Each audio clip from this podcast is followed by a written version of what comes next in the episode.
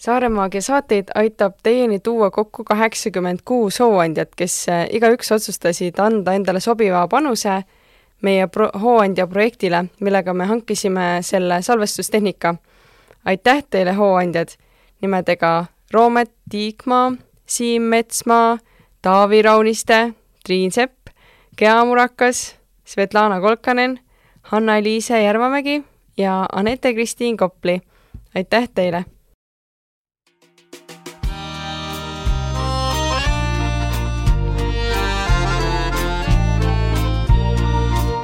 Käes on suvi meil taas Saaremaal, ümber lõhnab ja hallendab maas.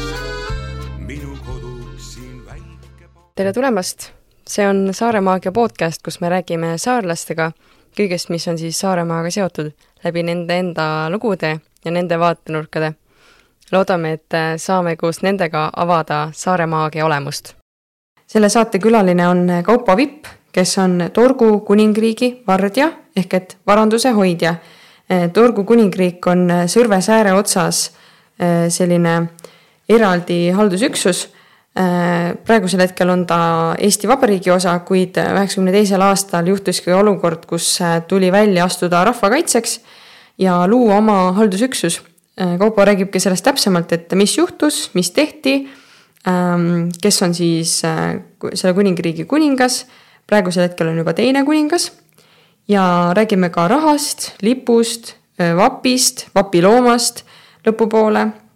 Mm, ja sellest, et äh, mis on need hästi vahvad kohad, mida Torgu kuningriigis äh, külastada, miks need erilised on, ähm, siis sellest rahaühiku väärtusest. Ja me räägime alguses sellist pigem asjalikku juttu, et äh, noh, mis ongi, kui ma küsin küsimusi, et mis see on ja nii edasi, aga lõpus ta räägib hästi mõnusalt selle nagu kokku, et, et miks see kõik oluline on, miks üldse sihukest asja nagu teha, mis see mõnele inimesele tähendab ta räägib ka sellest, et mm, et noh, mis üldse see Saare maagi tema jaoks on, me räägime kaladest ja nii edasi. et, et kindlasti soovitan see osa ära kuulata igalühel, sest et megalahedaid taipamisi saab siit. Ja, ja see on nagu nii tore, et Kaupo tuli sihukest teemat jagama. ja see on hästi oluline, et Eestil sihukene kultuur ikkagi jätkuks ja, ja ikkagi au sees sihukest asja hoitakse. ja, ja siin alguses ja lõpus äh, selles saates kuuled ka äh, siin Torgu kuningriigi hümni O Sõrvemaa. selle saate külalisele on kingitus Saare Maagia poolt. nimelt ma kinkisin talle Saare Maagia logoga eh, kandekoti. See on eh, musta värvi kott, millel on kahed sangad ehk et eh, pikemad sangad ja lühemad sangad. ja Saare Maagia podcast'i logo on sinna peale trükitud sellise sädeleva klittervärviga. nii et niisugune mõnus, praktiline, aga samas ka fancy kott ja kuna me tegime need hooandja projekti hooandjate jaoks ja neid jäi üle, siis ta on selline eriversioon. Nii et eh, kui soovid ka omale sellist kotti, siis mine vaata saaremaagia.ee ja leiad selle poe sektsiooni alt üles.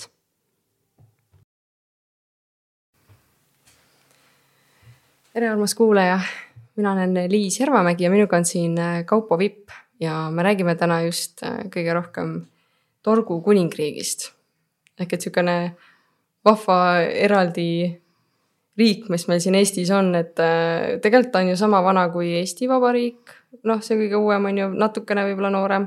noh, ja sama kui taastatud Eesti Vabariik. just, et see taastatud Eesti Vabariik, aga siis Kaupo saabki täpsemalt rääkida, et mis see on, aga kõigepealt alustame nende soojendavate küsimustega. nii et saad Kaupo siit võtta ise kolm tükki ja ükshaaval ette lugeda ja vastata no,. muidugi ei võtnud prille kaasa. ette lugeda jah Äh, kelleks sa saada tahad, kui sa suureks saad? no ikka meremeheks tahaks muidugi ei, mina ei tea, enam, enam ei taha kellekski saada, aga vanasti ma mäletan ikka meremeheks tahtsin saada. aga nüüd, noh nüüd tahaks ingliks pilve peale oh,. loodame, et mitte nii peaga nojah, ei, aga ei, selles mõttes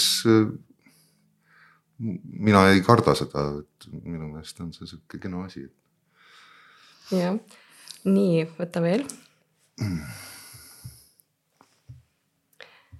mis on praegu su lemmiklaul või läbi aegade mm. olnud lemmiklaul? see on väga keeruline asi, kui ma noor olin, siis ma teadsin isegi täpselt ühte laulu, mis, mida ma pidasin, maailma kõige paremaks.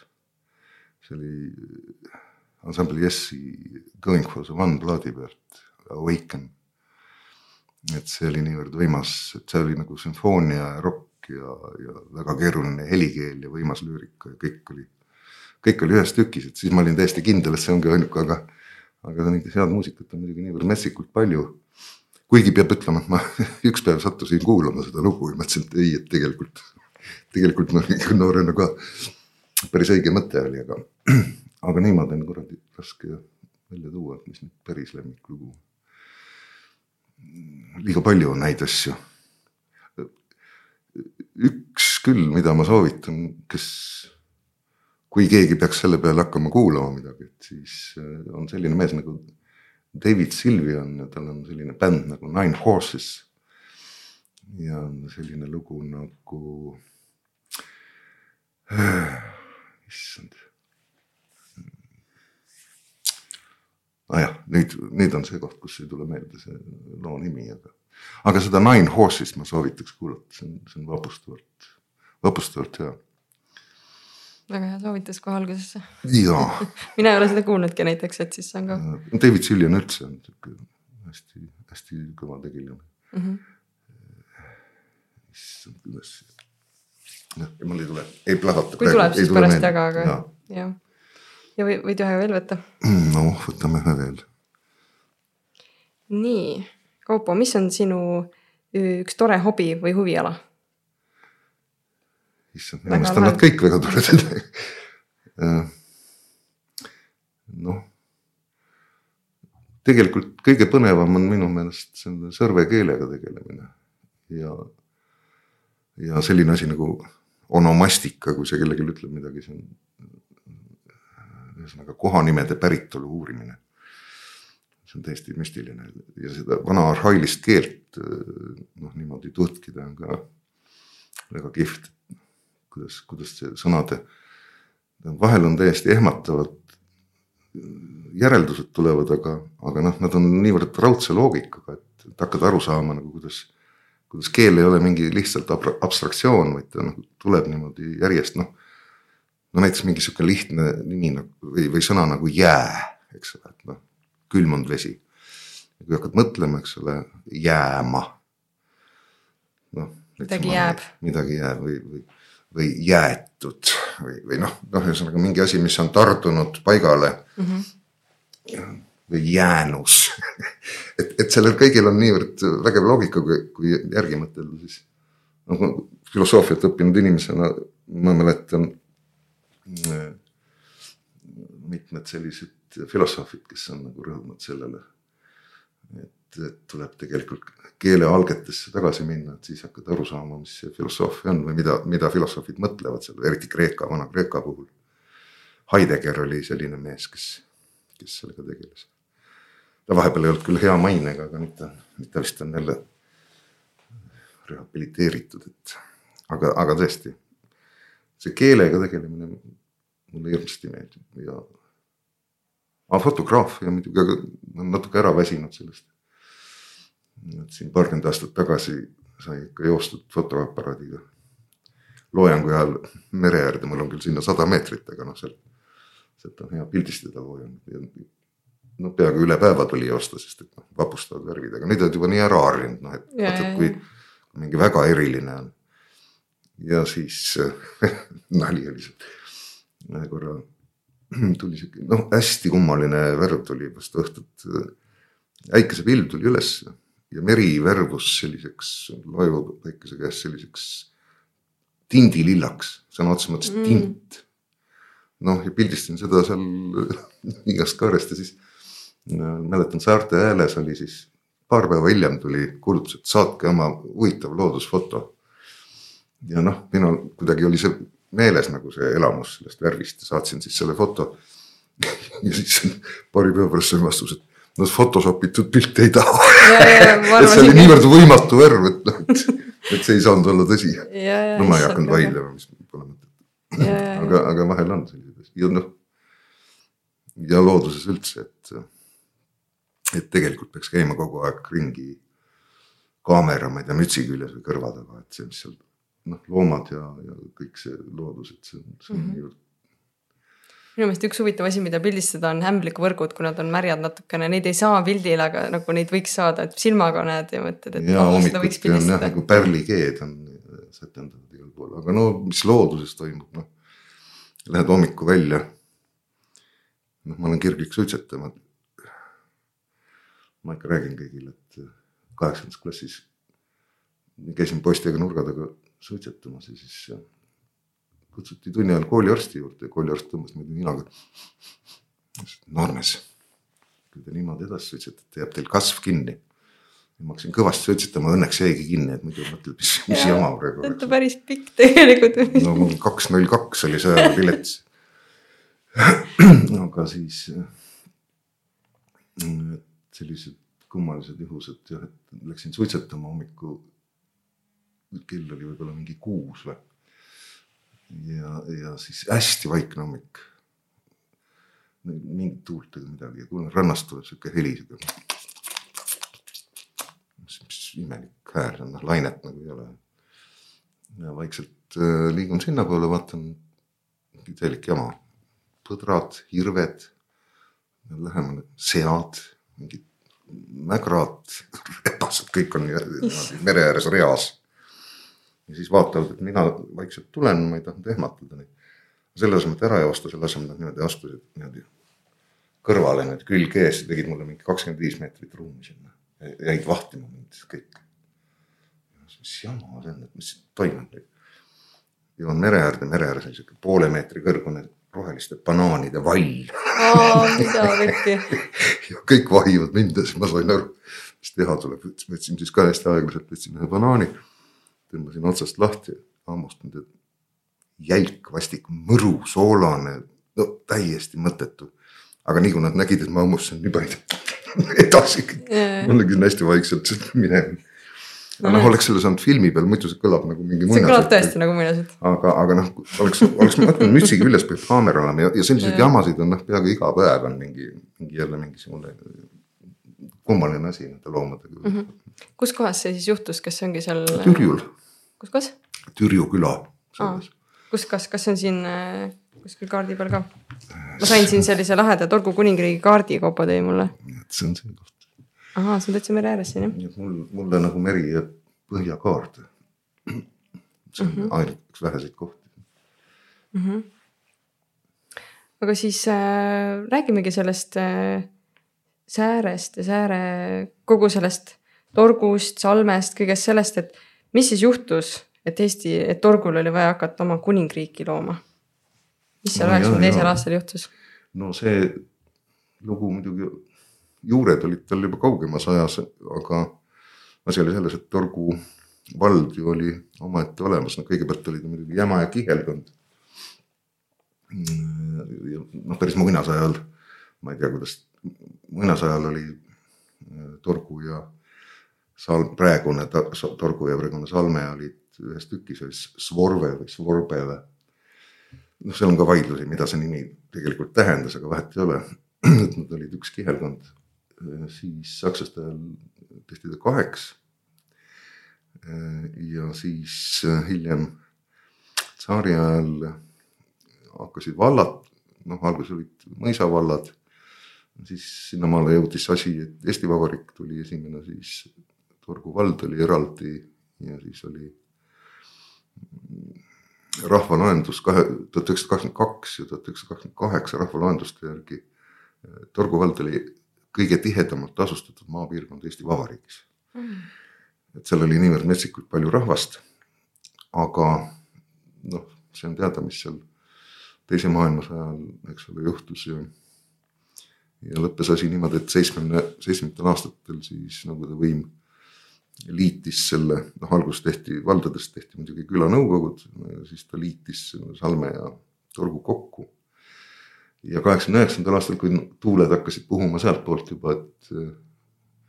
et tuleb uuesti Eesti Vabariik, siis uuriti, et noh, et kas kohalik, mida kohalik rahvas tahaks, siis oli veel mingi seitsesada inimest järgi. Neil, Eesti-aegsest neljast, neljast tuhandest, pealt nelja tuhande, siis seitsesada oli veel järgi ja nemad ütlesid, et ei, et nemad tahaks ikka omaette, loomulikult omaette omavalitsust, noh, mis ongi üks põhiline asi ka inimese jaoks, sest et, et noh, nagu Ando Runnel ütleb, et, et mis on, mis on kultuur, kui me räägime rahvakeele ja kultuuri säilimises, on meie riigi mõte. et kultuur on vabade inimeste elamise, olemise viis nende omas kodus. kuidas nad loodusest oma toitu hangivad, kuidas nad naabritega suhtlevad ja see sõltub alati sellest, kus looduses nad elavad. ja seda nad siis annavad oma järeltulijatele edasi ja sealt tulevad kõik need pärimuslood ja, ja see noh, kuni seelikuteni või milleni iganes välja, eks ole, ja selle pealise ehitus on siis see kõik see ülejäänud kultuur. ehk siis, et vaba inimene, mida see tähendab, vaba inimene tähendab seda, et ta otsustab ise, mismoodi ta käitub, mida ta teeb. noh, loomulikult selles piiris, et, et kedagi teist ei häiri, aga aga, aga selles mõttes see vabadus on, on siis see peremehe tunne, et, et omas kodus sa saad. et ei ole nii, et keegi suvaline astub mm -hmm. sisse ja teeb kodus, mis ta tahab mm. -hmm. ja keegi kuskilt kaugelt ütleb, kuidas asjad käivad, vaid pigem ikkagi oma, oma lähedal jah. et see peremehe tunne võimaldab seda, et, et see on tõesti see armastus oma selle kodu ja looduse vastu ja. Ja selles mõttes on see omavalitsuse mõte on väga sügav. ja siis, kui hakkas tulema, siis no või tuligi Eesti Vabariik, tehti üheksakümne teisel aastal haldusreform. kus siis äh, haldusreformi seadusega pandi paika terve Eesti Vabariigi haldusterritoorium. ehk siis see maa-ala, millel kehtis Eesti Vabariigi jurisprudents või võim. Ja sealt loetleti siis ilusasti üles, et noh, et noh, umbes selles stiilis, et et Narva jõgi idapiir, Soome laht põhjapiir, see on Ida-Virumaa, eks ole, sealt edasi, mis, millega piirid kattuvad, on ju. seal mingi teine vald ja nii edasi ja kogu Eesti oli siis ära kirjeldatud ja seal torgu kohta oli ainult üks kord märkus, et, et anda tagasi Salme vallale tema omavalitsuslik õigus, välja arvatud Torgu vald nii et noh, mis viga sealt, kus see viga tekkis, seda noh, enam nüüd on, nüüd on raske öelda, et aga, aga võib-olla oleks sinna tahetud noh, selle mõttega, sest oligi see lause võib-olla, et noh, et siis edasi kirjeldada torgut, sest ennem nad olid. külanõukoguna nad olid koos. aga see millegipärast oli sealt välja jäänud. Ja siis need inimesed, kes olid mingi neli aastat näinud vaeva selleks, et noh, et ikkagi tuleks ja, ja, ja noh, oli ka. Nad teadsid, et oli ka mingi vastuseis siis noh, osa nendest kahtlustasid ka mingid väiksed vandenõud, osa said aru, et noh, et see on lihtsalt lohakus ja osa said aru, et see on nagu hoolimatus, aga noh. võib kujutada ette, mis tunne rahval oli, kujuta ette sind, sind unustada, sa oled niivõrd tühine. et jumalast ära unustatud ja, ja riigi poolt ka. Ja inimesed kaotasid oma kodanikuõigused ju sisuliselt, sellepärast et noh põhiline kodanikuõigus on, eks ole, õigus valida ja olla valitud ja nii edasi. korraldada oma elu omavalitsuslikult et see oli inimestelt ära võetud nüüd. paberite järgi tõesti jah, et, et no. sa, sa ei ole ju nagu Eesti Vabariigi osa. no sisuliselt nagu ei olegi jah. mis sa siis teed, mis siis peale hakkad, mis, mis reeglid sulle kehtivad, on ju küsimus. see mees, kes meil oli siis tol ajal selline eestvedaja nendel asjadel. Ka selle valla taastamise asjal, Leevi Häng oli sihuke noh, kõva kultuuritegelane oli siin ka. ma usun, saarlased enamus teavad, vanemad inimesed. tema tuli siis selle peale, et ütles, et no nii, aga et kuulge, et mis me siis teeme, et niimoodi ei saa ju seda asja jätta. et kui Eesti Vabariik meid ei taha, et noh, teeme siis omaette riigi, teeme kuningriigi näiteks ja. siis seal tuli igasuguseid huvitavaid mõtteid ja alguses oli, asja nimi oli Eesti Kuningriik. aga sellest tuli Toompeal hirmus skandaal ja siis taganeti, võeti Torgu kuningriigi peale. ja ja siis noh, kuningriigil on ju kuningat vaja, et siis, siis hakati mõtlema, et kes võiks kuningas, kaks kandidaati leiti, kellele võiks pakkuda. aga leiti, et noh, rahvas võiks hääletada kuidagimoodi. Ja kuna samal sügisel olid noh, meie selle parlamendi või riigikogu valimised. et siis pakuti kahele inimesele seal, et üks oli siis Kirill Teiter, keda seal tol ajal rahvas tundis, noh, no sihuke terava suuvärgiga vabategelane oli. kuningriiklaste partei liige. ja teine oli Trivimi Velliste, kellel oli seal kohapeal, kelle tolleaegsel elukaaslasel oli seal kohapeal sihuke noh, suvila moodi asi, kes oli seal aastaid suvitanud. nii et siis, kes nagu rohkem siis valimistel hääli saab, et selle, selle võiks siis nagu kuningaks võtta, aga ettepanek tehti siis esialgu Kirillile Maalehes, Maalehe kaudu avalik kiri. Kirill tagantjärgi seletas ikka seda, et et pagan, et seda juhtub ikka jõle harva, et sa saad töö, tööpakkumise kuninga kohana, et yeah., et väga loll oleks seda tagasi lükata. nojah, ja, ja siis selgus see, et, et Kirill sai tohutult palju hääli valimistel, sai poolteist isikumandaati. ja, ja siis läkski nii, et inaugureeriti ta siis kuningaks. see oli augustikuus vist. ei, see oli, see oli novembrikuus, kui ta Kuressaares kuningaks löödi siin rütlimõõgaga ja siis detsembris oli vist see, kui ta, kui talle kroon ka pähe pandi, siis seda tegi Tallinna saarlaste selts Tallinnas õpetajate majas et siis oli kroonitud kuningas olemas. ja, ja, ja selleks ajaks, kui taastati, noh mingi aastakene läks aega, kui lõpuks jõuti sinnamaale, siis noh, kuninga isiklikul eestvedamisel ka parlamendis. et seda taastada siis, et Eesti Vabariigi rüppe tagasi minna, sest see oli üks tema tööülesannetest, kolm tööülesannet oli, et viia -hmm. viia torgu uuesti tagasi Eesti Vabariigi koosseisu.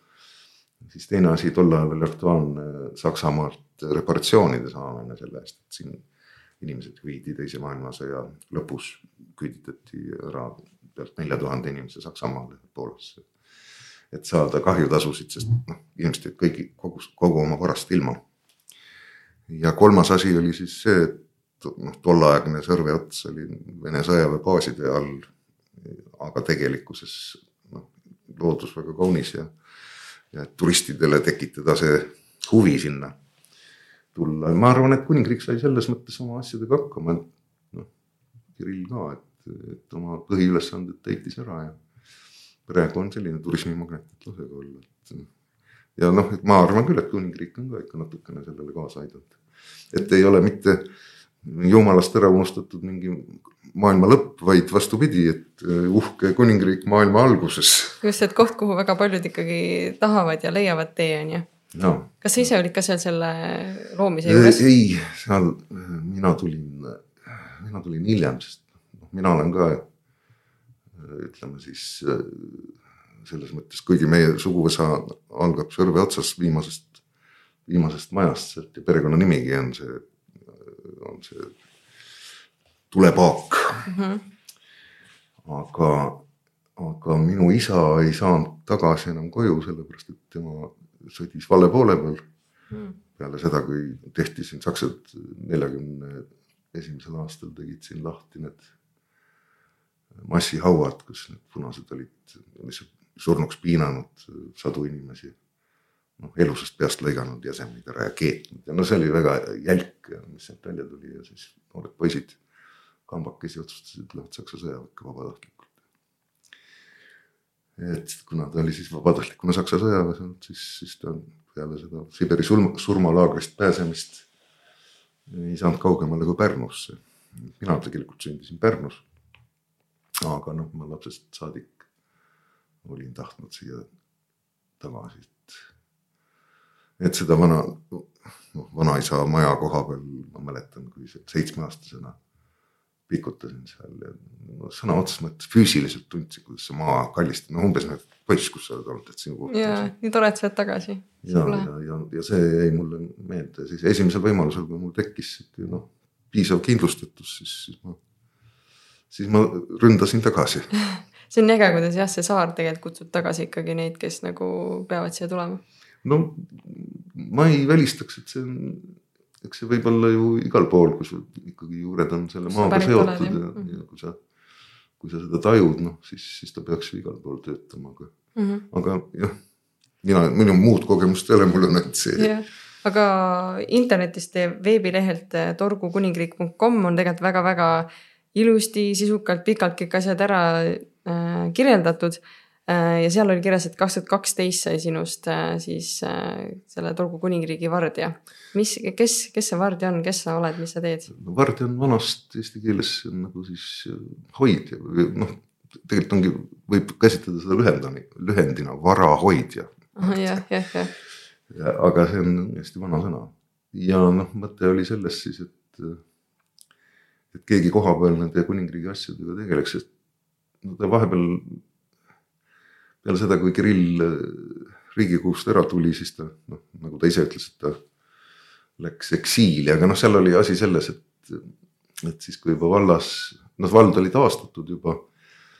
ja seal mingil hetkel tulid äh, inimesed, kes noh, nad ei osanud nagu seda hinnata või noh noh, oli ju ka seal, ega siis sada protsenti kõik inimesed sellest vaimustus ei olnud, osa ütlesid, et no mis te lolli mängite, eks ole, et. kindlasti on neid skeptikuid. kino teete, et piinlik lausa, et nagu lollakad siin mingit kuningriiki.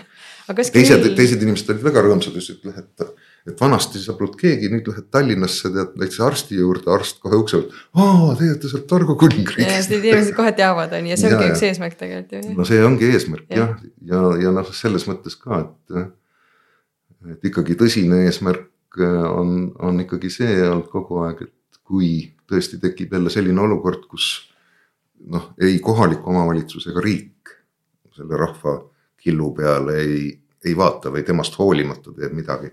et siis on jälle mingi instants, kes sellega tegeleb, noh mm -hmm. ja neid ülesandeid tegelikult nüüd nagu kipub tuu, aga, aga nagu, nagu jälle Aha. kipub nagu päevakorda tulema. aga mina sattusin siis jah niimoodi, et et äh, kahe tuhande neljanda aasta paiku. Mm, kui ma nagu juba alaliselt sain sinna. et siis noh, meil tuli seal ühe ja teise inimesega jutuks, et. leidsime, et see asi on nagu ilmaasjata ripakile jäetud. ma hakkasin siis seda noh, kuidagi tahtmist oli ja mulle tundus see nii vahva asi ja, ja hakkasin seda siis nagu ülespoole suruma ja kuni siis sinnamaale, et kaks tuhat kaksteist oli siis, mis ta siis oli, kahekümnes aastapäev. jah, jah, et kahekümnenda aastapäeva tähistamise tekitasime seal ja siis kuningas oli siis selle peale nii rõõmus, et ütles, et kuule, et sa siin niikuinii lolli mängid, et hakka siis nagu ametisse ka yeah., et niikuinii pead ise peale maksma, et palk on niikuinii seal. ja, ja nii ta läks, ma olen rahul väga mõnus mm. -hmm. ma seda märkasin, et kas Kirill oligi siis neljakümne aastane, kui ta siis ametisse valiti? jah, huvitaval kombel. siis ta on hea kuni-, täpselt see presidendi vanus ka vaata. just ja kusjuures seda numbrit vaadatagi, see oli ka üks, üks noh, meil, meil ju nüüd peale seda, kui Kirill lahkus siit ilmast eelmine aasta, siis me ju pidime jälle tegema referendumi ja siis see oli ka üks, üks nendest tingimustest, nii et, et kuningriik omalt poolt esitas kaks kandidaati. iga inimene võis esitada oma kandidaadi veel. ja siis see, kes rohkem hääli sai, noh, põhimõte oli siis selline, et ta pidi olema üle neljakümne aasta vana. ja kes rohkem hääli sai, siis kes kõige rohkem hääli saab, sellele tehakse esimesena pakkumine, kui tema keeldub, siis järgmisele ja nii edasi. ja nojah selle hääletamise korra juures, aga, aga see on huvitav jah, et rahvas, rahvas võttis nagu noh, nagu oleks mingi pärilik äh, monarhia, mis tegelikult yeah. ei ole, tegelikult nagu põhimõte on ikkagi sihuke nagu viikingi stiilis, et nagu viikingitel oli see, et eks ole, kui pealik langeb või, või, või, või sureb, siis, siis mitte ei tule pärilikult kohustuslikult tema järeltulija, vaid valitakse mm. -hmm. aga antud juhul siis läks nagu mõlemat pidi korraga. ja, siis tema poeg Kristjan oli ise nagu nõus ka, et tuleb, et ei olnud seda, et rahvas tahab ja tule ikka. jah, noh tänu sellele muidugi, kui ta poleks nõus olnud, siis, siis ei oleks saanud, vastu tahtmist ei saa midagi teha. jah, see on väga tore, et tuli, et äh, kas, ma küsin korra selle kohta, et, et mul on üks tuttav siit äh, mm,. ma nüüd ei oska ka öelda, kus kohas ta elab, aga ma tean, et ta on siin nagu natuke pärast Salmet mm. ja ja siis ma küsisin tema käest ka, et mm, et kas ta oskab mingisuguseid küsimusi küsida või nagu midagi kindlasti nagu mulle noh, nagu ära märkida, et mida võiks küsida. ja siis ta ütleski, et, et ah, et, et midagi suurt ei ole, et nad käisid seal selle kuninga äh, siis sellesse ametisse, kus on pühitsemisel või? no jah, inaugureerimine keerulise sõnaga, aga no Just. ametisse löömisel võib öelda ka. ja siis ta ütleski, et, et on olemas nagu eessõrve ja tagasõrve, aga Mhm. kas siis, kui näiteks äh, tehti see äh, noh, ettepanek, et äh, või noh, kes siis said osaleda, et kas sai siis see Salme piirkond ka või oli pigem ainult see Torgu?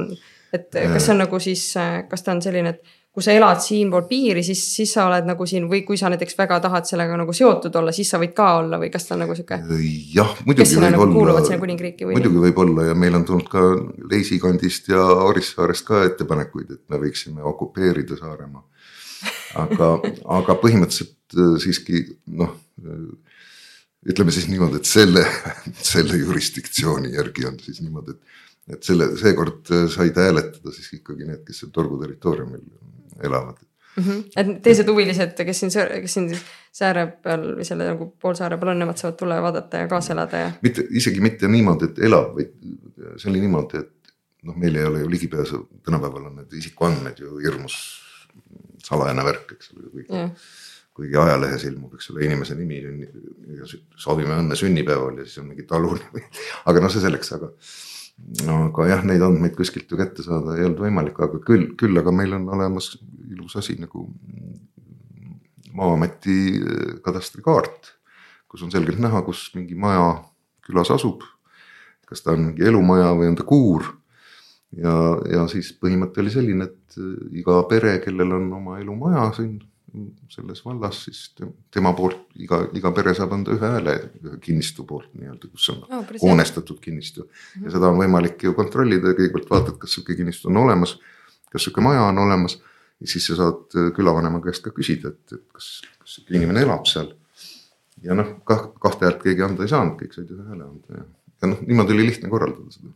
Jah, jah, siis ei pea hakkama neid inimesi nagu Just. kontrollima, et Jah, eh, kus et- oled. muidu läheb see asi nagu natukeseks jaburaks. jah, jah, kuidagi tuleb need nagu reeglid teha, et. ja no mingid reeglid peavad olema, aga, aga neid ei tasu jah liiga hulluks ajada. Mhm. okei, ehk et ähm, kuningas mm,, räägime natukene rahast ka. kas raha tuli ka kohe või mis oli üldse järjekord, et okei okay,, nüüd meil on nii-öelda riik, meil on kuningas olemas, mis, mis siis järgmisena tuli, tead sa öelda ka, et. mis, mis leiti veel, et on oluline ühel kuningriigil, sest et No- hümn, nagu ma aru saan, tuli alles viis aastat, neli ja aastat hümn jäi jah tohutult. see polnud nagu niivõrd oluline siis ilmselt on ju, et no järelikult jah no põhimõtteliselt esimene asi ilmus sealt selline vapi kavand, sest noh, see vapp äh, ilmus koos sellega ju, et, et noh, kui, kui on juba riik ja kuningas, et siis võiks nagu pitsat olla. Ja siis pitsati kujund nagu see, noh, see sisuliselt ongi vapp, eks ole mm. -hmm. ja siis äh, alguses noh, muudele asjadele ei jõutud eriti palju tähelepanu pöörata, see igasuguse muu sagimise sigina seas, aga ma arvan jah, et alguses oli see noh, eesmärk äh, tähtsam ja, Just, ja see poliitiline natukene kui see, et hakkame Ja, ja. nüüd omale mingeid pilte ja. aga, aga, aga hiljem muutus ta olulisemaks, eks ole, see sümboolika ja siis äh, noh. tänu ühele tublile mehele meil oli säilinud ka isegi esimese, kuningriigi esimese lipu. esimene lipp sõna otseses mõttes ja see ei olnud siis midagi muud kui sihuke purpur, noh, noh. kuidas see on siis? kuningliku purpuri värvi kanga peal oli siis keskel oli siis plärakas see, seesama vapp niimoodi Mm -hmm. Noh, see purpur siis noh, ühest küljest Kuninglik. peaks kuninglikkust tähistama, teisest küljest sihukest mässulisust, revolutsioonilisust Jah. nii-öelda. aga, aga siis leiti ikkagi, et ei, et võiks olla nihuke Skandinaavia kuningriikide tüüpi ja, ja siis lõpuks jõuti üheksakümne kolmandal aastal, nii et järgmisel aastal jõuti selle lipuni.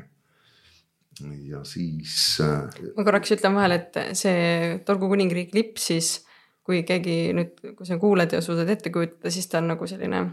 no ta on see rist, mis on. Skandinaavia rist nimetatakse. just, Skandinaavia rist ja see rist on seest valge, siis tuleb üks triip sinist iga musta või jah, musta, musta iga külje peale nagu talle ja siis äh, need nurgad on siis sinised. et nagu väljastpoolt sisse tuleb sinimustvalge nagu risti peale kokku. Ma ei tea, kuidas seda ilusamini öelda, sa võid guugeldada näiteks, aga võid ka ette kujutada. et see on minu meelest väga lahe, et, et täpselt kui Eestil oleks Skandinaavia lipp, siis no ma arvan, et siukene ta olla võikski ju, sest et no ma, me arvasime, et jah, et siuke ja, ja siis ja üheksakümne kolmandal aastal tuli tegelikult siis selleks ajaks, kui noh, isegi natuke varem, kui kuningriik aastaseks sai. jaanipäevaks, üheksakümne kolmanda aasta jaanipäeval siis tuli esimene raha välja. No mis oli siis muidugi grilli profiiliga ühel küljel ja teisel küljel siis seesama vapp. ja siis äh, mis see ühiku nimi või kuidas seda ühikut kutsutakse? To- Torgu Taaler, aga tal alguses jäi talle see Kirilli nimi nii külge. mõni hüüdis poolikuks ka veel. noh, miks poolik? sellepärast, et äh, küsimus oli, et noh, et mis selle raha kurss võiks olla. ja Kirill siis tegi umbes sellise avalduse, et noh, et kuulge, mis te siin mõtlete, et noh, aga kui teil on vaja kartulimaad künda või tahate kala saada või, või noh, no mida te annate mehele siis noh, poole liitrit noh, järelikult, järelikult paneme selle hinna selle järgi ja, ja siis siiamaale kehtib see, et siis äh, poole liitri Viru valge viina leti hind Laadla poes on siis selle mündi nii-öelda ostujõud. ehk selle, selle summa ulatuses ta saab siis nagu osta raha, raha, osta kaupa, kas- no näiteks vorsti või mida iganes, aga aga müügihind on kallim, tähendab, et kui münti paljalt müüa kellelegi, et siis tuleb seal mingi umbes kaks viiskümmend juurde liita ja ümardada. et praegu müügihind on kolmteist eurot. Mhm. nii et see väärtus on kõvasti kasvanud tal jah? aga jah, et Nagu selles mõttes üldse. küll, et, et kogu aeg on nagu tõusuteel raha väärtus leidnud. noh, tänu sellele, viina, viina hind on üles jah, ja need esimesed mündid, need on üldse, seal on see jama, et esimese, esimene vorm õnnestus kuidagi ära kaotada kuskile, et. et seda esimest vormi enam ei ole ja sealt tehti noh, mingi suurusjärk kuskil kolm või nelisada münti. aga, aga seda vormi enam ei ole ja nüüd on juba asi sealmaal siis, et, et ma vaatasin just viimati mingi Ameerika kataloog näitas äh, viiskümmend kaheksa dollarit müügihinnaks. nii et, et ma olen vahel ostnud siin, kui on komisjoni poodides no, interneti kaudu on müügil olnud seda esimest münti mingi üheksa euroga ja, ja. nagu see on hea hind. no siis ta on päris eri, erieksemplar ikkagi. no ta on selles mõttes rariteediks muutunud, et teda noh, teda ei saagi juurde teha Jah. me oleme teinud mälestusmündi, andsime välja, aga ta ei näe päris sama välja, ta on natukene ikkagi erinev. kui suur see münt umbes on? kui see on suur. sama rahakotis olemas. taskust välja. aga need on kahes mõõdus tegelikult. see on nagu see, et igal seikleval. see on see tavaline mõõt ja siis on põik. päris suured ikka. kolmkümmend kaks millimeetrit ja kolmkümmend viis millimeetrit.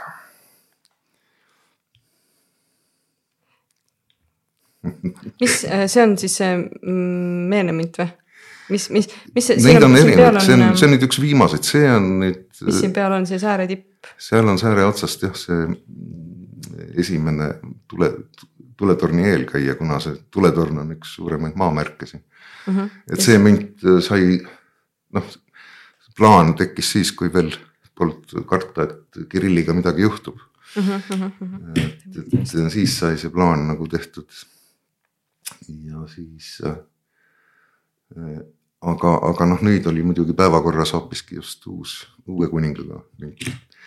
aga uue kuningaga mündiga oli ka see jama, et, et noh, ta pagan on nii sarnane oma isaga, et kui ta oleks nagu ilma prillideta lihtsalt profiilis, siis mm, siis ei saaks mitte keegi aru, et, et midagi muutunud oleks. nii et siis ta tuli teha täiesti, täiesti erinevalt tuli. teise külje pealt teha. nojah, et vaade on nagu mingi hoopis teise nurga all ja, ja, ja siis. päästavad need prillid, et tal, tal on õnneks, õnneks on ta prillikandja mm, -hmm. nii nagu minagi, ma praegu olen, jätsin autosse oma prillid. aga see veebilehel oli olemas ka mõned fotod äh, võltsingutest mm. -hmm. mis lugu sellega on, et äh, kust need võltsingud on- leitud on või kes neid teinud No, on? kahe tuhande, kaks tuhat kaksteist, kaks tuhat kolmteist vist hakkasid äkki, äkki ilmuma, tulid siuksed jutud, et just numismaatikute hulgas, noh, kes on nagu noh, on maailmas on palju selliseid inimesi, kes, kes on pühendunud noh, mingisuguse eriliiki asjade korjamisele, noh, sest see on absoluutselt selgelt, et kogu maailma kogu raha kokku korjata, noh, see, see oleks absurdne ja noh, lootusetu ja, ja mõttetu ka aga siis on päris palju selliseid tegelasi, kes, kes koguvadki sellist, ütleme mikroriikide raha üle maailma. ja siis, kuna see taaler on sihuke suht, suht haruldane siiski, sest väga väiksed tiraažid ju olnud. et ilmselt sellepärast siis, aga äkki jah, kaks tuhat kolm, kaks tuhat kolmteist Peterburis ja Moskvas ilmusid välja äkki Taru kuningriigi mündid ja miks nad tähelepanu köitsid veel eriti oli see, et puhtas kullas ja puhtas hõbedas proovimärgid peal hmm.. Et, et noh, siis nagu see nagu pani just selle kihama selle jutu yeah,. Wow, aga noh, muidu nagu nad olid ka tavalistest materjalidest noh, nagu, nagu nad, nagu nad tüüpiliselt on, aga, aga, aga olid ka siis jah, puhtast kullast ja puhtast hõbedast tehtud asjad liiga hästi tehtud asi, siis kohe nagu vaadata, et ja, miks, miks ta nagu. ja see äratas nagu tähelepanu ja siis tuli välja okay., et jah, et täiesti noh, suvaliselt kuni sinnamaale välja, sest rahal on siis peal märge veel. Noh, meil on ju pool liitrit väärtust, aga seal oli kirjutatud üks liiter nii et ühesõnaga noh, sihuke nagu venelaste moodi sihuke suurem Razmachiga ette võetud, et mis poolest liitrist saab yeah., ikka terve liiter et see on päris naljakas. et lootsid liitri saada selle eest. ja kuninga asemel oli kirjutatud Tarku kunn ja siis oli sihuke mingi monomahi mütsiga mehike oli sinna tehtud. okei, see on küll päris naljakas tegelikult. no. Hale naljakas. ütleme niimoodi, et tegelikult, kui järgi mõelda, siis noh, asi, mida võltsitakse, peab ju midagi väärt olema, eks ole. See on nagu kiituseks. just nimelt, just nimelt nagu, et mõnes mõttes nii väike asi nagu nii väike riik ja nii omaette nagu ja lõpuks ikkagi selline nagu oma inimeste selline kultuur on ju. ja keegi kuskil kaugel nagu ja, ka segab ennast sinna sisse. noh, muidugi, ega meie oleme veel hiiglaslik riik võrreldes mõnede mikroriikidega, minu teada kõige väiksem mikroriik äh, see polnud küll kuningriik, see on vabariik, ma ei suuda isegi praegu seda nime meenutada, aga see asub äh, Põhjameres ühe vana nafta, naftaplatvormi peal. kogu riik piirnebki naftaplatvormi territooriumiga, see on mingi, ma ei tea, sada ruutmeetrit või paarsada mm. -hmm. nii et ja see riik annab välja oma münte ja postmarke ja on päris kõva tegija selles osas jah, ja neil on väga selgelt määratletud tegevusvaldkond on ju, mis no. import, äh, eksport ja nii edasi on ju. täpselt nii jah. issand kui lahe, okei okay ja on -hmm. jah palju inimesi, kes tegelevadki just, just nimelt sellepärast, et need on kurioossed asjad. et koguvadki. elu tuleb huvitavaks teha ju. no loomulikult, kui elu ei ole huvitav, tuleb mõelda ta huvitavaks. just, selle kohta on tegelikult üks hea ütlus ka, mis ma sain jällegi sealt veebilehelt, et, et äh, üks kena sõrvenali ongi üks vegade tõsine asi. no just Just, et ju siis see nagu see väga-väga tõsisest naljast või nagu üks sellest äh, kenast naljast saigi tegelikult asi alguse ja väga tõsiseks nagu ja noh, siukseks oma no, kultuur on sinna taha ikkagi nagu nüüd tulnud. selles mõttes ta on väga sarnane jah, sellele ideoloogiale, mis oli sellel Eesti Kuningriiklaste parteil, et nad ju ka, nad läbi nalja, nad rebisid esile nagu neid lollusi, mida, mida tehti nagu siis tõsistes ringkondades. ja, ja sellest oli päris palju ju kasu, et siiamaale ma olen päris tihti kuulnud, et kuskil seal parlamenditegelased või noh, riigi, meie riigikogu tegelased räägivad, noh, et võiks olla ka ikkagi selline partei nagu kuningriiklased mm. -hmm. mõni siukene nagu, kes trollib natukene ja, ja toob. lollustest ja. üle nagu, aga, aga siin antud juhul jah, ongi noh, ongi nagu kolm asja tegelikult, et noh, natukene rahval oleks lõbusam elu, et inimesed noh, meil tänapäeva kuningriigi eesmärgid on samamoodi on kolm tükki. et esimene siht on see, et, et aidata Sõrve inimestel tunda, et nad on erilised. see ongi kõige tähtsam siht. ja teine asi on seista rahva eest sel juhul, kui omavalitsus ja, ja riik ei seisa nende eest ja kolmas asi on see, et ikkagi toetada seda, push ida seda kultuuri, kultuurilist kohapealset väärtust nagu turisminduse mõttes, et. et noh, kipub ju olema praegu nii, et, et, et turismibuss sõidab vuh sääre otsa ja vuh tagasi, eks ole. Mm.. et seda, et seda erilisust natukene veel üles kruida, et oleks võimalik ikkagi koha peal inimeste, kohapealsete inimeste huvides ka midagi toimuks. kes need äh, nagu kuningriigi äh, nii-öelda inimesed on, kes siis nagu selle kuningriigi juhatuse või õukond nagu, just nimelt õukonna, kes selle õukonna loovad, et äh, no meil on seal ütleme sihuke viisteist või kakskümmend inimest vahelduva eduga, osa, osad on otse ka mandril ja. aga, aga noh, nende inimestega me siis peame nõu ja kui midagi on vaja korraldada, siis teeme ja. ja noh, kuningas muidugi ise ka. nii et, et noh, mingi kamp peab olema, muidu ei saa. ja siis mingil määral on need ülesanded ära jagatud ja. Ja mis ma ikka oskan öelda. Need inimesed, kes nagu huvi tunnevad, need on, noh muidugi hea oleks neid natukene nooremaid seal kuidagi punti saada, et, et seda me peame vaatama. et, et liiga natuke gerodontlikuks ei muutuks asi, et see on nagu kõigi riikide puhul alati paha märk olnud, kui, kui nagu valitsus hakkab vanadekodu meenutama tullakse ja räägitakse, et kus teda valutab jah jah, et okay., et seda peaks katsuma vältida, aga, aga noh, on veel hoog sees nüüd vaatasin jah, et äh, teil on Facebooki leht, kus on ka päris palju infot, et mis just kohalikult toimub, et hästi pikk postitus oli, et mis üritused nüüd siin kevadel on.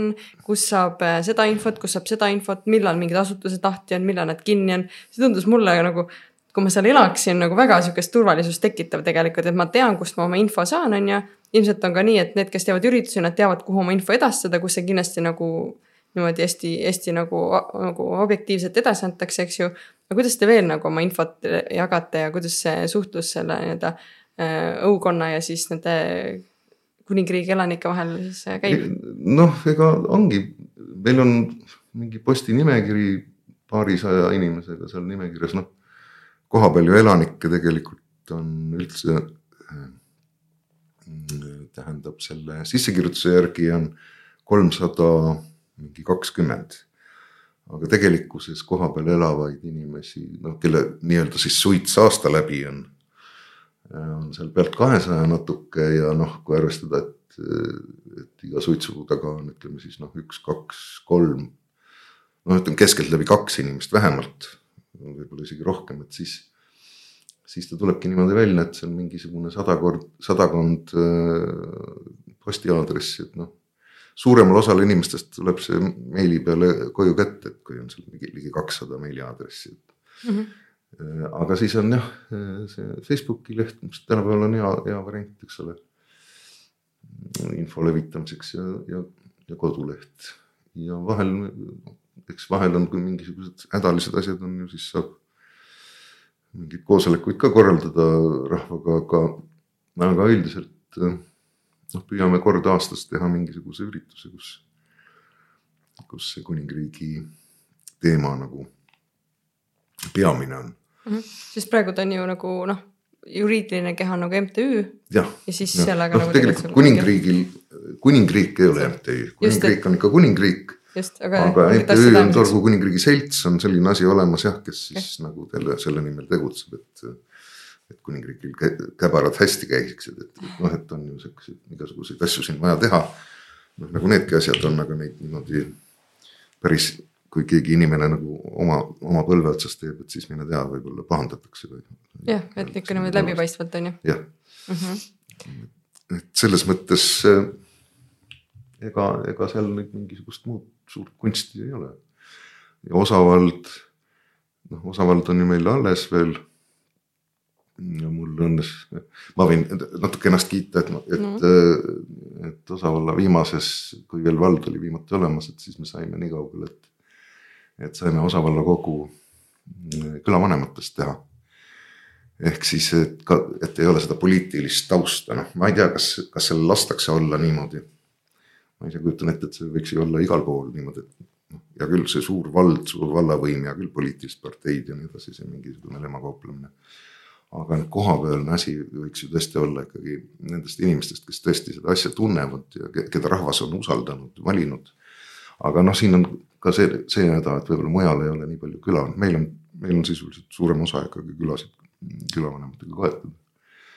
ja, ja, ja mis seal veel on, eks ole, on tõesti see, et noh, muidu on ju niimoodi, et on oled seal valinud omale nii-öelda selle esindaja, et siis, siis ta ongi see neli aastat aga külavanemat on võimalik ümber valida nii kui, kuidas. kui nagu tõesti mingi tekib. jama on, eks ole. üks huvitav asi, mis ma olen märganud siin Saaremaal on see, et, et siin ongi külavanemad, et mujal Eestis ma ei ole väga üldsegi kuulnud, Lääne-Virumaal meil küll ei ole sihukest asja nagu reaalselt külavanemad ja nagu nii organiseeritud see, et päriselt külavanemad saavad kokku ja arutavad ja niimoodi, et ma ei tea, ma olen eluaeg elanud seal ja ei ole kuulnudki, et nagu on No siuksed vot, asjad. võib-olla võib-olla mujal on, lihtsalt- aga Lääne-Virumaal meil küll ei ole nagu, lihtsalt meelest ära läinud vanasti ju see niimoodi käis, jah. päris vanasti, no vahepeal küll. no tegelikult ütleme niimoodi, et esimese Eesti Vabariigi ajal peab ütlema, et külavanem tehti natuke selliseks. Noh, kuidas öelda, jooksupoisi moodi asjaks, aga, aga praegu on tal ikkagi see võimalus seda rolli täita tõesti, et on üks inimene, kelle kätte tuleb kogu info ja, ja kes siis saab kõiki jälle informeerida. ja selline asi peab olema noh. no kui keegi viitsib teha, siis see on kõige tähtsam nagu, et Just kui ei ole seda, kes viitsiks, siis noh, see ongi pilla-palla noh, see on natukene siukest sädeinimest või noh, ütleme siis natuke siukest uhuud on, on vaja muidugi, et. Et see on ju kõik ilma rahata tööd või pigem noh, maksad see, kes, peale kes viitsib teha, ma ikka mõtlen meie külas ka, et ikka viitsib teha, et aga, aga no ongi. ei, tohi lasta jah inimesel ära väsida. just, toetada ikka. mingi viis või kümme aastat järjest vastu peab tublisti, et siis tuleks vaadata. no vähemalt pakkuda, et keegi võiks saada, kui ta tahab anda edasi seda. kui, kui isegi kui kõik rahul on, sest oht on see, et inimene lihtsalt nagu väsib ära ühel hetkel.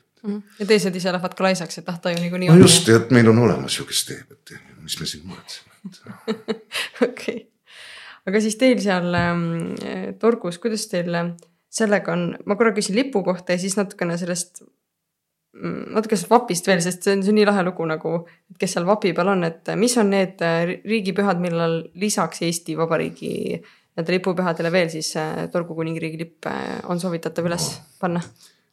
jah, noh, esiteks on muidugi Turgu kuningriigi lipuga on niimoodi, et, et erinevalt Eesti Vabariigi lipu statuudist kuningriigi lipp võib olla üleval aasta ringi ööpäev läbi Ah, sellest ei ole probleemi.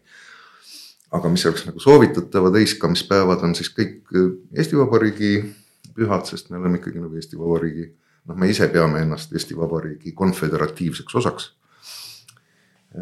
Ja teine asi siis, et on need kuningriigi omad äh, tähtpäevad, seal on siis mm, kuningriigi esmanimetamise kuupäev, siis on seal esimese kuninga äh, kuningriigi asutaja sünnipäev, sünniaastapäev õigemini küll. siis esimese kuninga sünnipäev, praeguse kuninga inaugureerimise päev ja praeguse kuninga sünnipäev, nii et mm -hmm. viis päeva on nagu lisaks tavalistele lipupäevadele.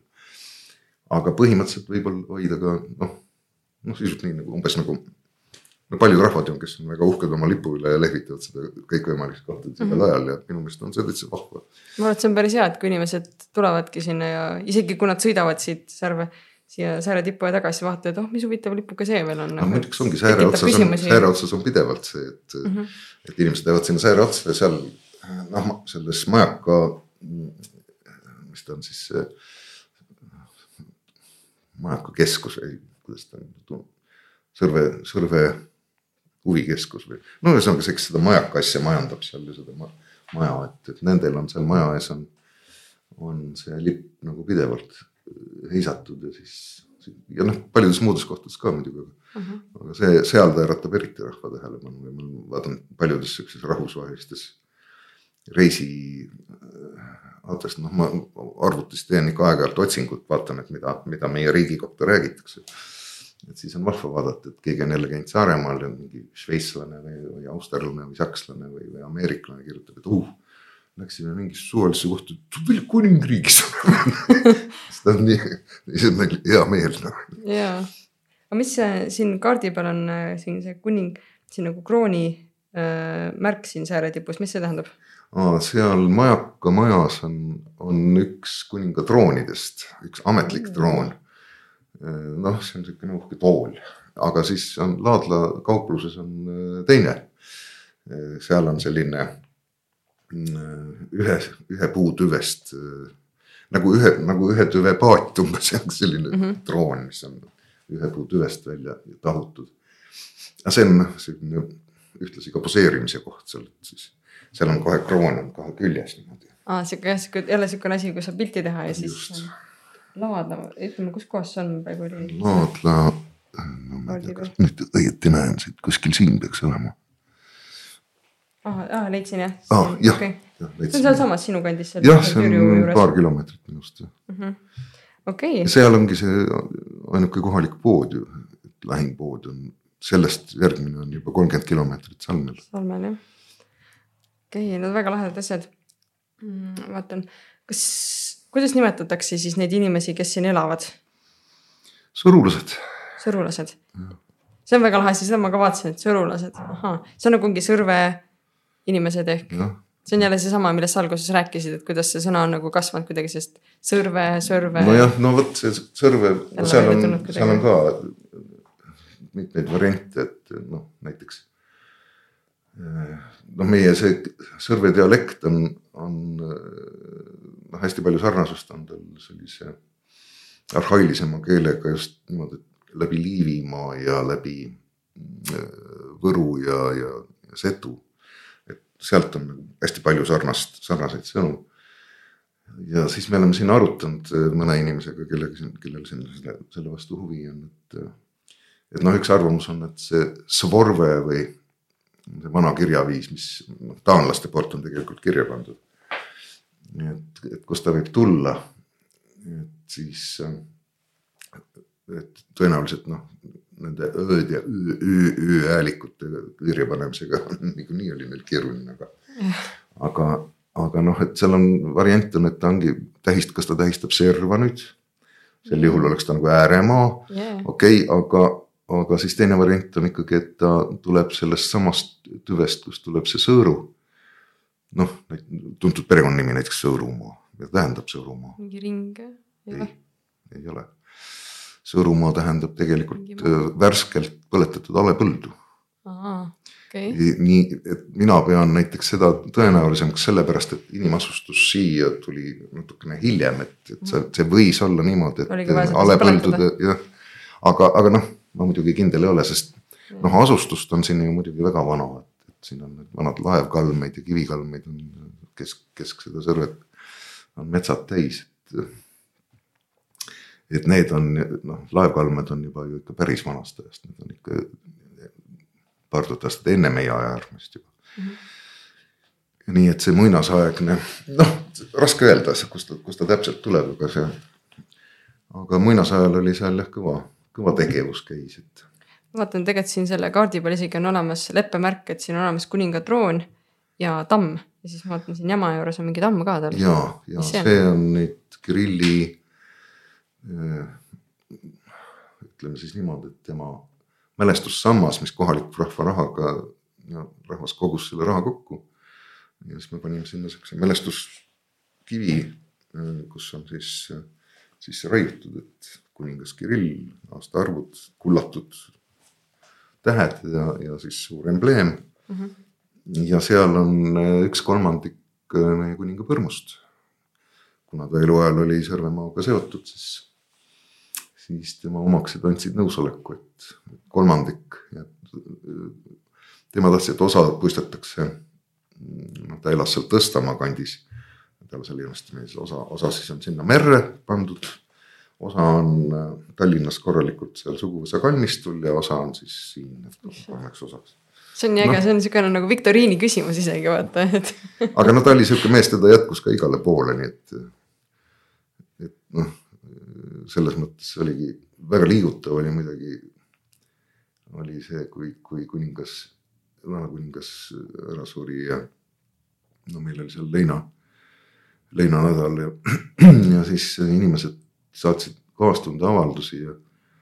ja mõned ise helistasid ja pisar silmas, et aga mis meist nüüd saab, et noh, nad inimesed tajusid seda, eks ole, et, et noh et tõesti Kirill aitas neil sellest jumalast unustatud öö, positsioonist nagu välja tulla. Et öö, inimesi on igasuguseid, noh mõni, mõni võttis seda väga hinge. minule läks väga hinge see, et osadel inimestel nii sügavalt hinge läks, et ju siis on mingisugune eesmärk ikkagi nagu täidetud ja no emotsioon on vähemalt olemas, et see, see tähendab seda.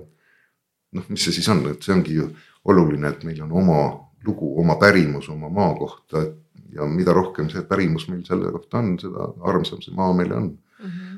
Sõrves ongi iga, ma ei tea, iga puu ja iga kivi kohta on legend, et sa võid käiagi lõputult, et ma vahel seal ma just tahtsin enne öelda, et, et tegelikult on täielik raiskamine, et lihtsalt inimesed sõidavad siia, sõidavad tagasi no, siin võiks igat nagu tõesti vaadata seal poes käia, siis kivi juures, siis seal noh, tõesti ma kujutan ette, et siin neid noh, isegi neid äh, Vene ajast või noh, sealt asju on nii palju isegi vaadata. neid militaarjäänuseid jah on seal. Neid on ju, aga nii palju seda loodust, nagu sa ütlesid, võid loomi seal näha, on ju mingi hommikul kell mm. kuus lähed kuskile või merd pildistada, et. Et see on nagu tõesti, ma arvan ka üks põhjus, miks me seda podcast'i teeme, et tegelikult need et need lood, mida võib-olla sa arvad, ah jah, on jah mingi asi või et jah, ma olen kuskilt lugenud või et on jah seal kuskil, aga ma ei viitsi sinna sõita, umbes meil on praamile kiire, siis mõtled, et ei mine vaata lihtsalt see on nii palju rohkem väärt. et ära kiirusta.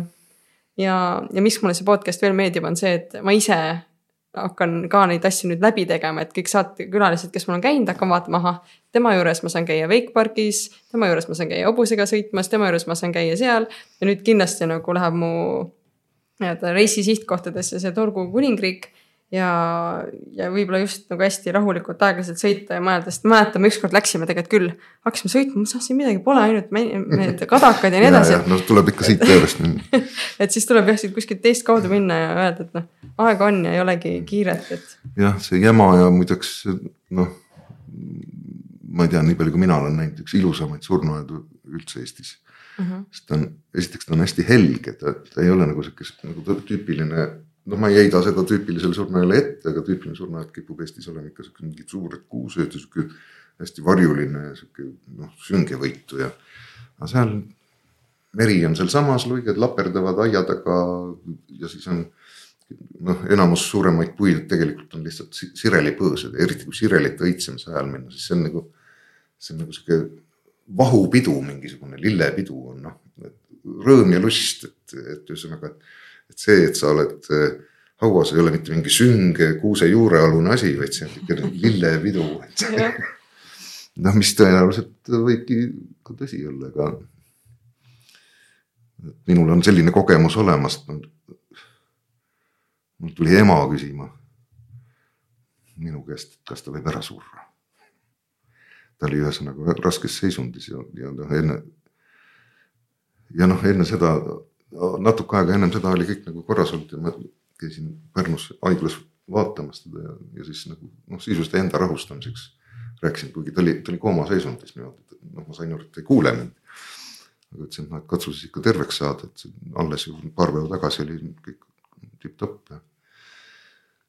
ja siis pidin ise ära tulema Kuressaarde ja naine läks tööle ja siis ma tulnud, tulnud kenat räimest sain. ja siis mõtlesin, et praen talle siis selleks ajaks, kui ta koju tuleb ja.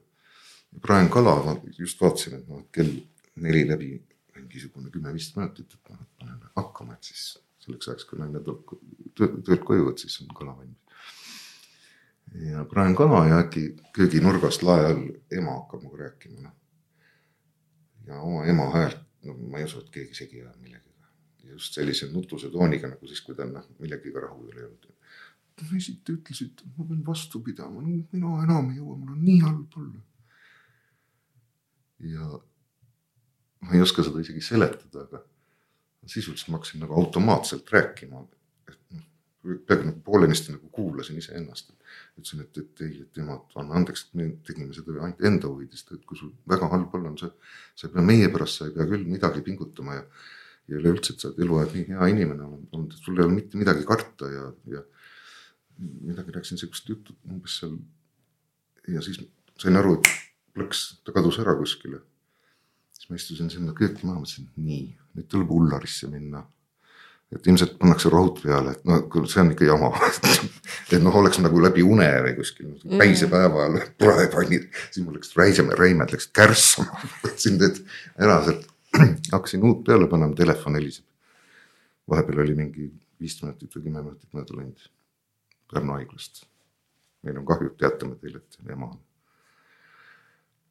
ja peale seda ma olen ikka päris veendunud, et noh, et ei ole siin mingisugust lõppu, et see on mingi vahepealne sihuke peatus, et ei tasu üldse karta mitte midagi, et kõik läheb nii nagu peab. et kui, kui ikka noh, nagu ma iseennast kuulsin ütlemas et kui ikka hea inimene oled. Ja noh, ma järelikult ma uskusin seda, aga, aga see tuli, see ehmatus oli ilmselt nii suur, et noh, nagu täitsa automaatselt hakkasin rääkima yeah.. ema räägib laia Et see see- on nii vahva lugu tegelikult. uskumatu Jah., uskumatu asi, aga ju siis oli lihtsalt äh, hingel vaja küsida teise hinge käest, et kas mina olen teinud oma elu jooksul piisavalt oma järglasele, et ma võin nagu nüüd reaalselt minna puhkama. see on nagu kujuteldamatu. Jaa, tõesti.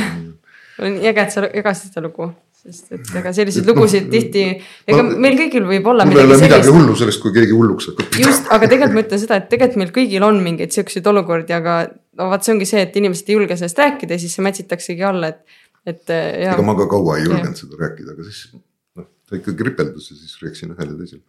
jah, nii vahva lugu. noh, ma selle peale ausalt öelda ei mõtelnud, et ma praegu raadios räägin, aga vahet ei ole. see jääb siia sellesse rahvapärimusse. okei okay,, aga meil ongi siis äh, juba tunnika räägitud, mega lahe, et sa jagasid seda lugu, aitäh uh,. korraks natukene sellest äh, tigulohest ka ja siis lähme nende viimaste küsimuste juurde mm,. tead sa seda ka, et kes selle tigulohe välja mõtles ja mi miks ta on tigulohe? see tigulohe, ma siis ütlen sulle kuulaja, et see on see, et see on Torgu kuningriigi vapiloom ja ilmselt ka kuidagi muud moodi veel Torgu kuningriigile oluline.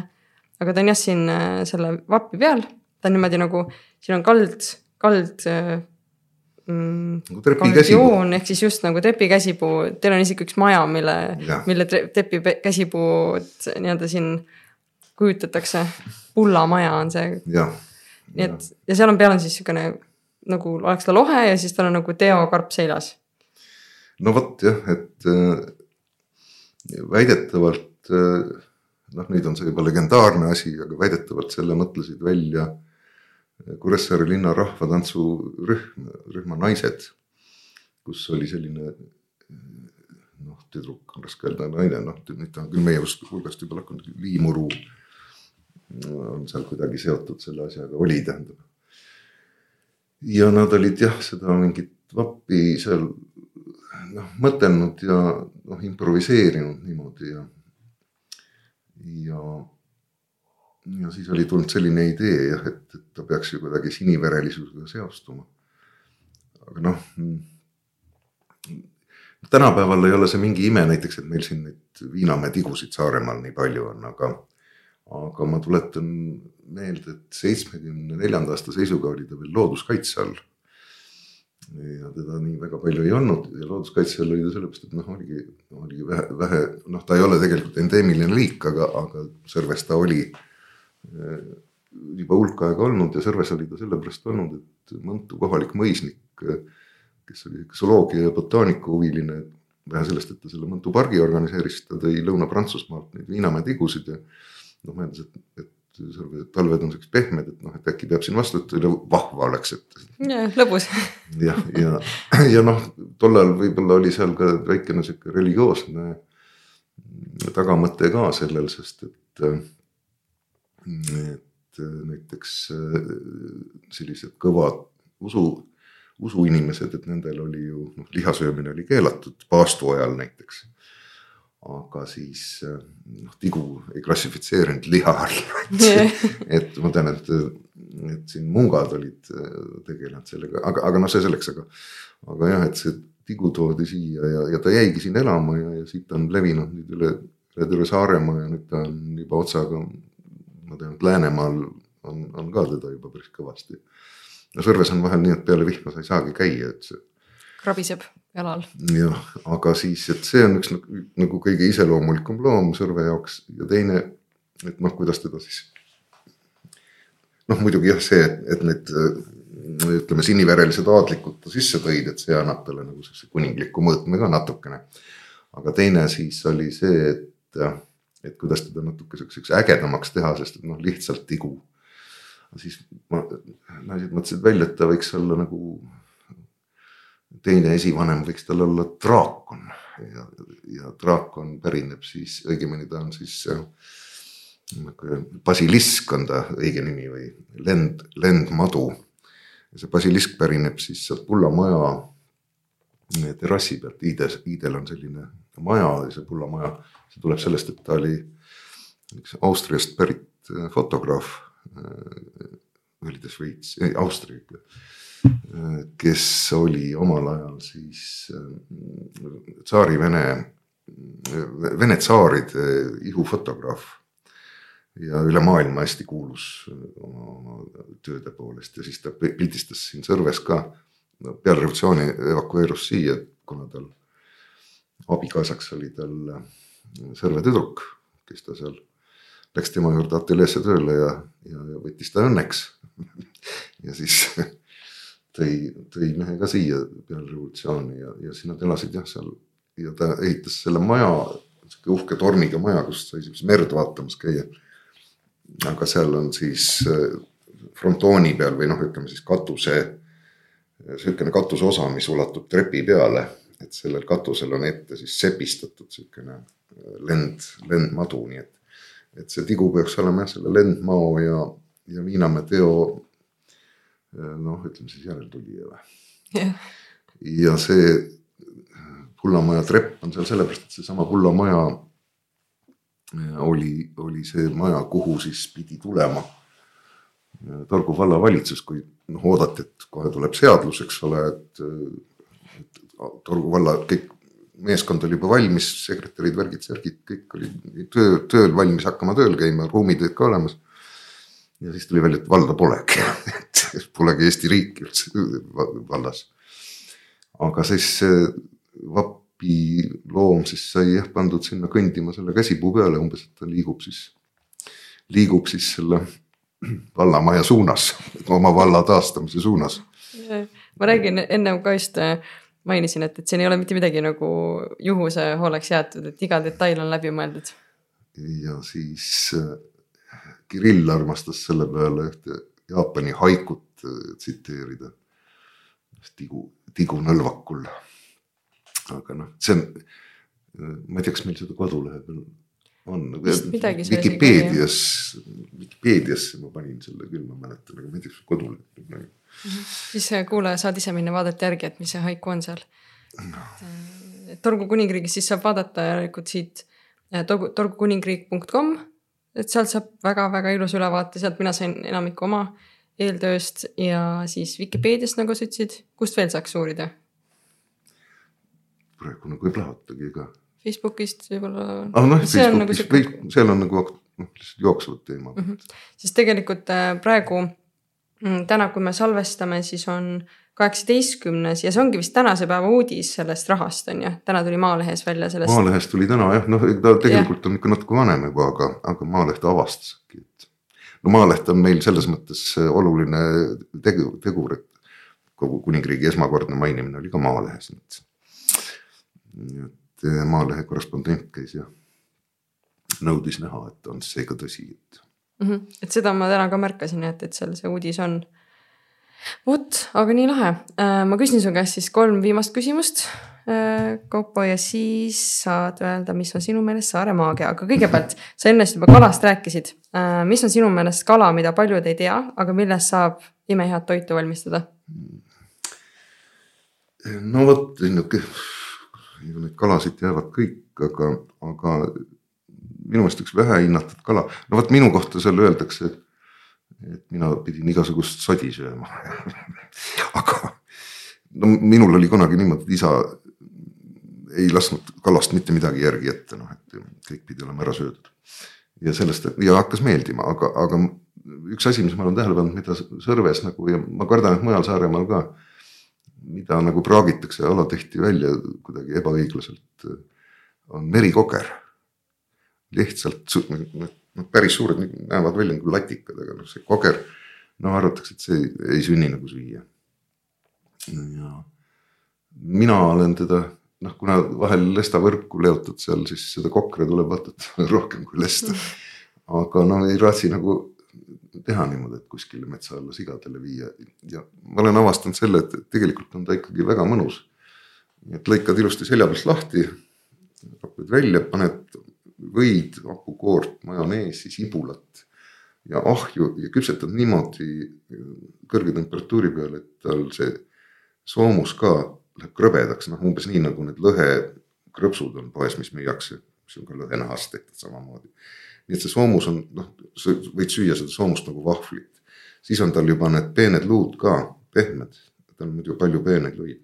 ta on väga omapärase maitsega kala, ta on, ta on siukene noh, kuidas öelda, ta on nagu natukene magus on see liha.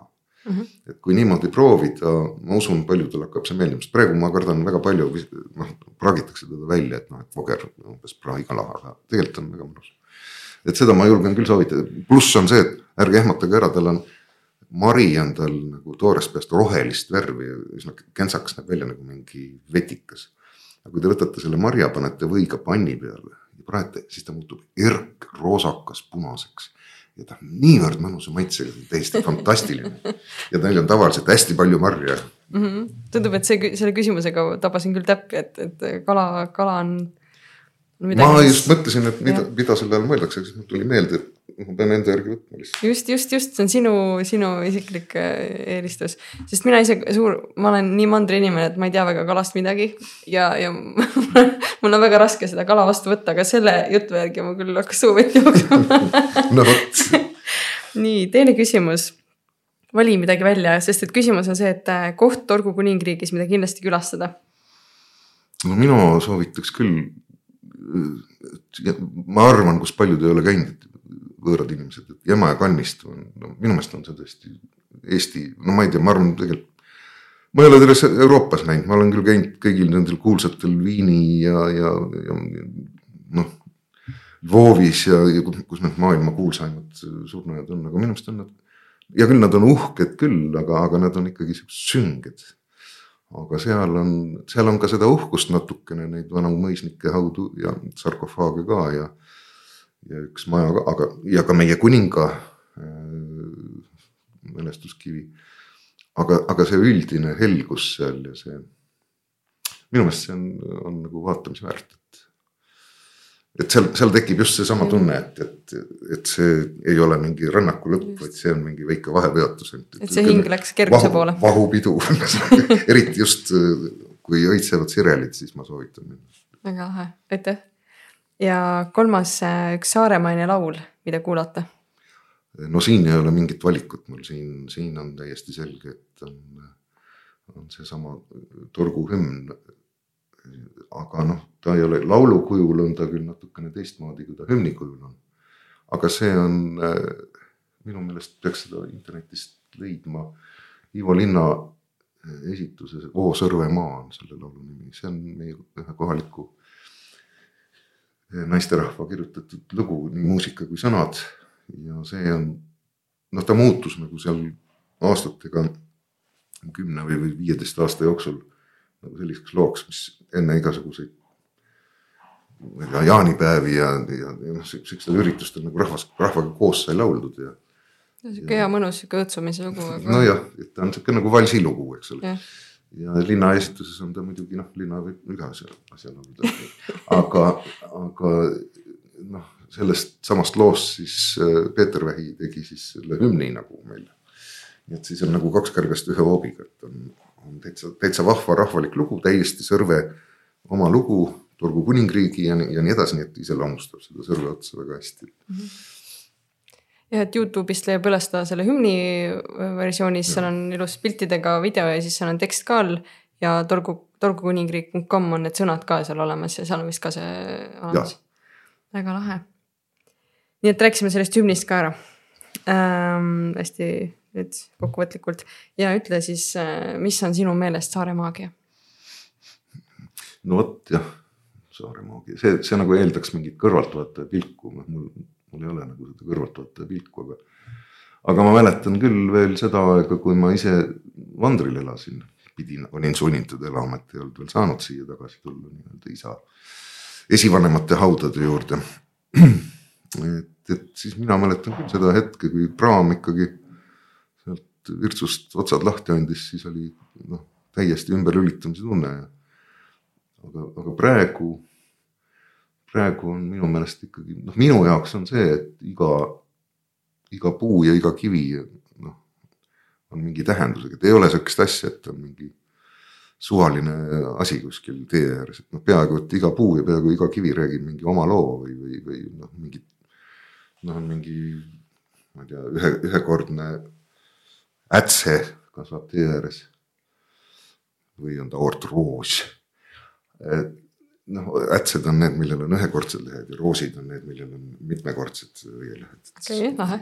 ja noh, need on ka seal mingitest vanadest talukohtadest, seal on ju, kui seal sõita, siis on näha, et üks talukoht on teises kinni, eriti siis, kui sirelid õitsevad. kui õunapuu õitsevad, siis on ka, näha et, et see, et see kõik on nagu kellegi jaoks olnud kodu ja selles kõiges on sihukest, sihukest hinge nii palju, et ma arvan, et selle Saaremaa üldine omadus võib-olla ongi see, et siin on säilinud veel seda muinas-Eesti tunnet või seda, seda Eesti ürgset tunnet, et ma arvan, et see on see, mille järgi need inimesed jaanipäeval tulevad rusinal siia saare peale ka. kuigi nad võib-olla ei teadvusta seda endale ja võib-olla nad teinekord pilluvad mingeid, ma ei tea, tühji pudeleid ja prahti metsa alla, mida me siis saame koristada rõõmuga. aga, aga ma arvan, et nad sellepärast siia tulevad, nad tajuvad, et siin on midagi teistmoodi. Ja, ja, ja minu meelest ongi, siin on see natukene veel säilinud seda ürgset, ürgset Eesti tunnet. ma arvan, et, ma arvan, et Lõuna-Eestis on ka seda päris palju säilinud, noh, on, on veel kohti, aga, aga siin on võib-olla seda nagu mm, noh, laiemalt kuidagi tunda ja seda tajuvad teised, see, kui mingist maagiast rääkida, ma arvan, et see, see maagia võib-olla on see, et inimene tajub mingisugusel moel, et, et siin on mingi õhus mingi fluidium. jah, eks see maagia ongi tajutav, see ei ole sihuke asi, mis nagu No oskabki jah. niivõrd väga sõnastada või niimoodi. ja see on, ja see on väga hea asi, mis sa praegu tõid, et miks kõik jaanipäeval siia tulevad, et sest see ongi siukene nagu pööripäeva energia ja kõik see on ju. tajuvad seda tunnet jah. Ma ei ole kunagi mõelnud, sest tõesti on see, et nagu miks kõik saare, miks kõik jaanipäeval siia tulevad, kas on see, et need on pikk, pikk nädalavahetus ja nii edasi, et muidu ei jõua Saaremaale kolm päeva on ju, aga see on. no ma olen vahel kuulanud jah, kui ütlevad, et no mis jaanipäeval Saaremaale ei lähegi või mis, mis jaanipäev see on, kui Saaremaal. noh, noh järelikult see, see on see mingisugune mm -hmm. noh, jaanipäev ise on ju mingi sümbol, mingi paganlik äh, rituaal, mis on aastatuhandeid mm -hmm. käinud ja noh, ta on ilusate asjadega seotud päikese ja päeva ja, ja eluga ja ja siin on veel neid inimesi, kes, kes seda nagu tähistavad sellisel moel, nii nagu noh, nii nagu see rahvatraditsioon seda ette näeb, et siis, siis need nooremad inimesed näevad ka seda, et noh, palju nad sellest nüüd noh, midagi nüüd enda, enda jaoks mõtestavad või, või, või noh, märkmikusse üles kirjutada, aga, aga see tunne on ikkagi olemas, et ühesõnaga, et kuskil, kuskil sügaval on see refleks, see taju on olemas. Ja ma arvan, et seda võibki selles mõttes maagiaks nimetada, kuigi, kuigi mul üks lemmik ulmekirjanik Artur Clarke ütles, et, et maagia on, et igasugune tehnoloogia, mis on hästi arenenud, muutub, muutub maagiaks, aga, aga noh, võib-olla võib ka seda tehnoloogiaks nimetada, see on mingi tehnoloogia, kuidas sa suhestud maailmaga, need rituaalid.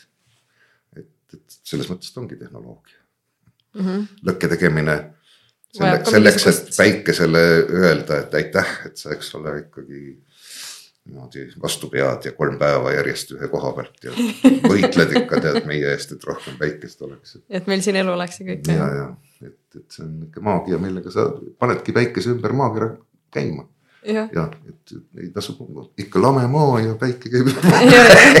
ei no ja see selleks, aga, aga, aga noh, jah, ei tea ju. Et niimoodi võib ka endale ette kujutada. väga lahe definitsioon. sina, Kaupo, tõid mulle juba äh, alguses kingitused ära, kui sa jõudsid torgukaardi äh, vapiga kleepsu ja siis lipu, aga mul on sulle ka kingitus äh,. ja mul on sulle kingitus Saare Maagia poolt. nimelt meil on siin siuksed erieksemplarkotid. Need said tehtud selle jaoks, et kui me seda salvestustehnikat hankisime, siis hooandjatel oli vaja midagi siukest kaasaskantavat ka kinkida, ehk et mul on sulle kan- kandekott, kus on peal siis glitter siukse sädeleva värviga siis Saaremaa ja kirjas on Saaremaagia podcast. ja eriti äge on see, et tal on kaks sanga, et nagu sul on need pikad sangad, võib-olla sul on keegi väiksem laps, kes kannab väiksemad, noh et muidu nad ei, ei lohise vastu maad, see kott. et sihuke mõnus praktiline, nii et äh, palun, see on sulle kingituseks. aitüma. Ja kui sina kuulaja ka soovid omale sihukest vahvat kotti, siis meil on mõned veel alles, vaata saaremaagia.ee ja siis sealt äh, saad selle omale soetada. Ähm,. aga ega siis midagi. Äh,, aitäh kuulamast ja äh, järgmise korrani, ja tulge külastama kuningriiki. Muidugi.